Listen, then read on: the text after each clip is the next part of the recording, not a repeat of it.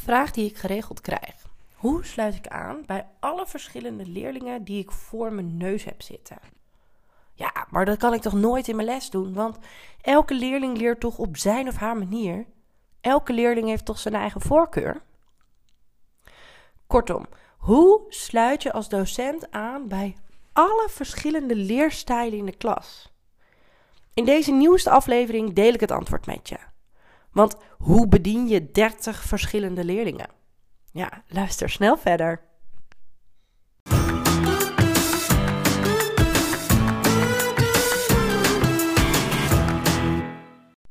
Hey, wat leuk dat je luistert naar de podcast van het Leerlab.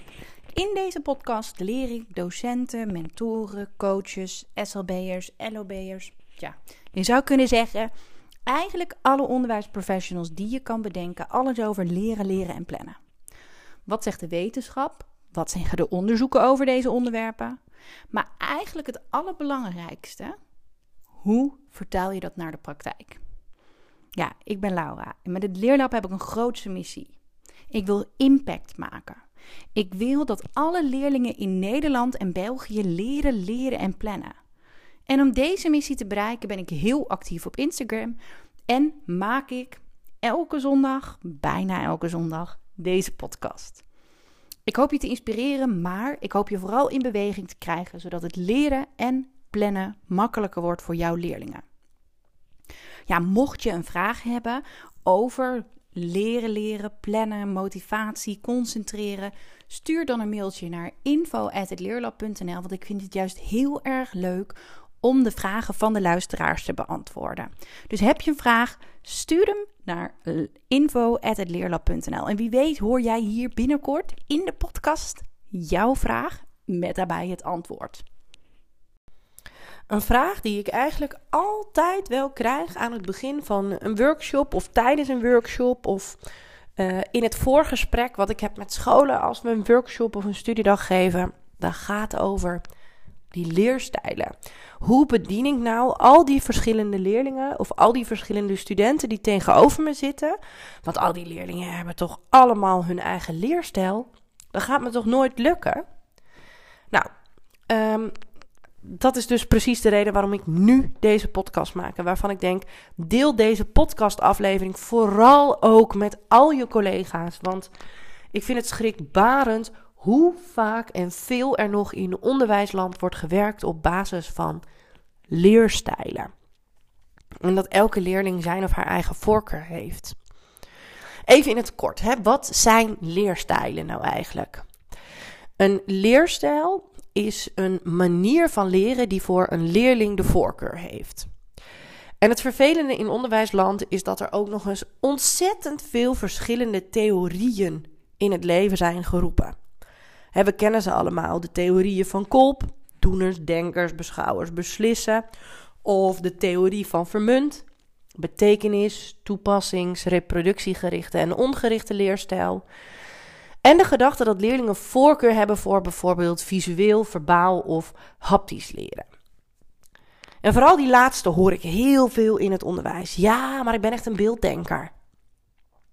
Of die leerlingen zijn echt beelddenkers. En de theorieën van Kolp, van Vermunt of hè, bepaalde voorkeur van leren, die zeggen eigenlijk allemaal dat leerlingen beter leren als we de stof zo bij hun aanbieden dat die aansluit bij hun persoonlijke leervoorkeur. En dat dat ervoor zou zorgen dat onze leerlingen beter kunnen leren. De stof beter kunnen opslaan. En dat we onze leerlingen en studenten dus ook op die manier kunnen helpen als het gaat over hoe ze thuis leren. En dan wordt het heel ingewikkeld, want dan heb je inderdaad 30 leerlingen voor je neus. En hoe ga je dat doen? En los van dat, als ik denk aan, oké, Piet is beelddenker, die leert zo, die leert zo. Hoe, hoe ga je dan je les inrichten om tegemoet te komen aan al die 30 leerlingen?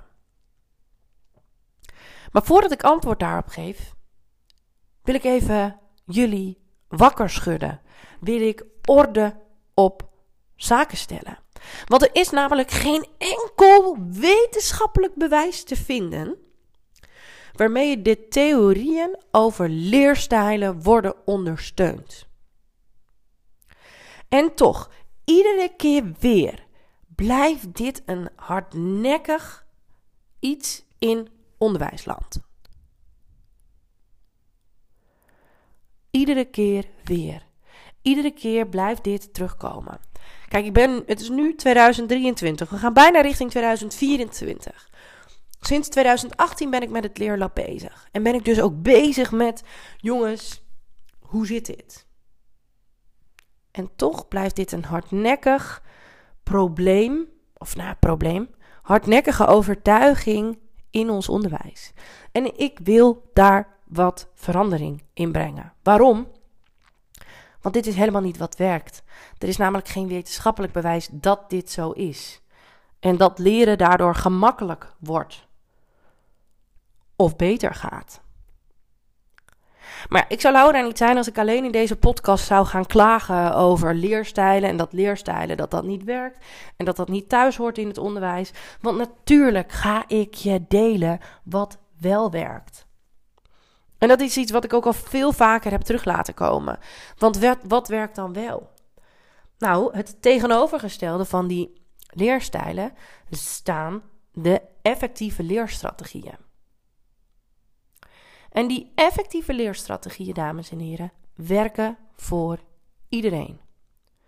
Ongeacht die persoonlijke voorkeur. Hij werkt voor jou, hij werkt voor mij, hij werkt voor je collega, hij werkt voor al die 30 leerlingen die voor je neus zitten. Want hoe komt het dan dat deze manier van leren wel werkt?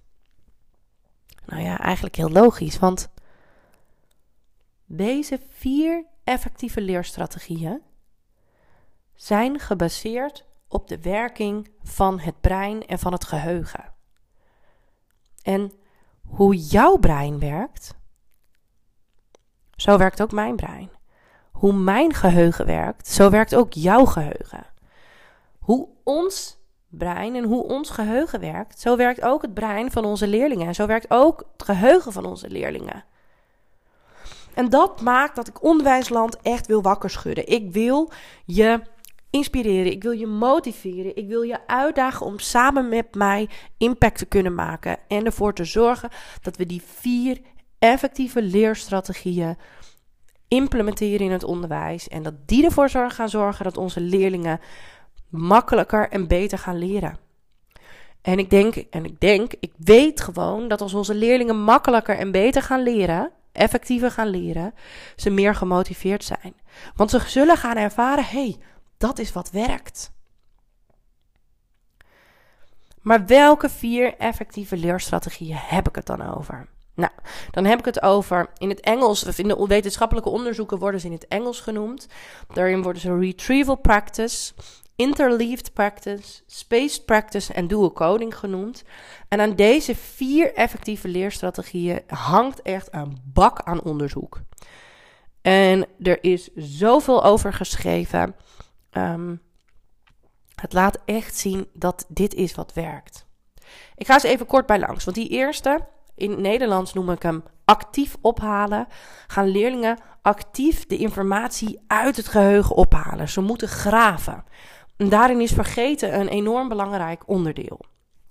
De tweede, in het Engels interleave practice, en ik heb de naam gegeven switch en hustle, is het afwisselen van onderwerpen en type vragen. Want wat willen we? We willen dat leerlingen continu moeten nadenken. Want als ze continu aan het werk worden gezet en moeten nadenken, moet het brein constant in beweging, moet het bezig, waardoor ze de stof beter gaan onthouden. Want we willen namelijk niet dat ze op de automatische piloot gaan leren. Als leerlingen op de automatische piloot gaan leren, wat gebeurt er dan? Dan zullen ze niet of nauwelijks leren en zullen die stof niet goed opslaan. Dan de derde, spaced practice. En ook wel, ik noem dat ook wel uh, in het Nederlands, noem ik dat spreid in de tijd. Dat heeft alles te maken met het verspreiden van de leermomenten in de tijd. En ik zeg ook altijd, je moet minimaal drie keer iets herhalen. En daarin heb jij als onderwijsprofessional, docent, leerkracht, noem het maar op, heb jij een onwijs belangrijk, belangrijke rol. Want het is aan jou de taak om constant in je les te herhalen en daar tijd voor vrij te maken. Maar naast dat, hè, gespreid leren, spreid in de tijd, moeten, willen we ook dat leerlingen dat thuis gaan doen uiteindelijk. Maar ook zoals daar gezegd, moeten we onze leerlingen daarbij helpen en begeleiden en daar expliciet instructie aangeven. Ik gaf uh, van de week uh, een, uh, een sessie in de mastermind en toen hadden we het even over plannen. Het ging niet over plannen, maar het was een mooi zijweggetje. Um, want dat plannen gewoon zo'n groot probleem is. En ik denk ook dat plannen echt een groot probleem is in de huidige maatschappij. En ik geloof dat we dat probleem alleen kunnen oplossen als we op alle plekken in het onderwijs gaan plannen. En deze vaardigheid aanleren. Hey, ik was vorige week, uh, gaf ik een inspiratiesessie in, uh, in uh, Warfum op een middelbare school. En daar waren docenten uit het PO en uit het VO. En toen ging het ook over plannen. Want de, eh, de, het gat is zo groot. Hè? Het gat is zo enorm groot. Dat van wat je moet kennen, kunnen en op een basisschool en wat je dan ineens van je gevraagd wordt op het voortgezet onderwijs. En daarmee hoop ik toch ook altijd met dat soort inspiratiesessies andere onderwijsprofessionals um, te laten nadenken. Want hoe kunnen we in het basisonderwijs ervoor zorgen dat we onze leerlingen die vaardigheid veel meer aanleren? Want natuurlijk werken we in het basisonderwijs met een weektaak, of een dagtaak of hè, inplannen. En zie ik dat echt wel gebeuren. Alleen denk ik wel, en ik kom zelf ook uit het basisonderwijs. En dat heb ik zelf ook niet goed genoeg gedaan. Dat zeg ik ook eerlijk. En dat heeft ook te maken met dat ik nu hier veel meer informatie en kennis over heb. Maar ik had veel meer moeten begeleiden bij hoe leer je dan topo? En hoe kun je dat plannen? En hoe kun je dat opdelen in stukjes? En hoe kun je dat doen bij wereldoriëntatie? Of hoe plan je dan je boekverslag, je spreekbeurt, je nou, je, je werkstuk, noem het maar op. zijn allemaal grotere elementen waar leerlingen thuis ook echt aan de slag moeten. Want dat was het grote verschil ook waar we het vorige, keer, vorige week in die sessie over hadden. We leren ze wel plannen op school en dan lukt het. Maar we zijn weinig bezig met plannen op het gebied van wat ze thuis moeten doen. En dat is juist, juist nou net wat ze nodig hebben in het voortgezet onderwijs. Hele uh, zijtak, maar dit laat volgens mij wel zien waarom dit zo ontzettend nodig is. Nou, en dan de laatste uh, effectieve leerstrategie. Uh, in wetenschappelijke onderzoeken wordt die dual coding genoemd en ik noem hem dubbel in je brein. Ons werkgeheugen bestaat uit twee werkruimtes. De ene codeert en verwerkt gesproken en geschreven taal, terwijl de andere dat doet met gebeurtenissen en beelden. En door beide aan te spreken komt de stof dubbel in het brein en kunnen leerlingen dit beter opslaan. Dus dit is direct ook even de koppeling die ik maak naar beelddenkers. We zijn allemaal beelddenkers, want ons brein werkt nou eenmaal zo. We hebben allemaal deze twee werkruimtes. En dus is het van belang dat we deze twee werkruimtes aanspreken. Dat kun je doen in je instructie, maar dat kun je ook heel erg doen door leerlingen vaak zelf plaatjes erbij te laten bedenken. Nou, er zijn een heleboel manieren waarop je aan de slag kan met deze vier effectieve leerstrategieën. En um, op de live dag van 20 januari 2024. Um, ehm, er is nu nog de early bird uh, mogelijkheid. Uh, ga ik veel meer vertellen over deze vier effectieve leerstrategieën. En ga ik vooral heel erg vertellen wat en hoe je dat dan kan doen. Want ik heb een hele duidelijke missie. Alle leerlingen in Nederland en België leren leren en plannen.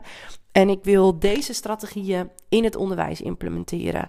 En um, leerlingen hiermee kennis laten maken. Maar vooral alle onderwijsprofessionals. Zodat uiteindelijk alle leerlingen kansen gelijk, gelijke kansen krijgen. En echt leren hoe ze moeten leren.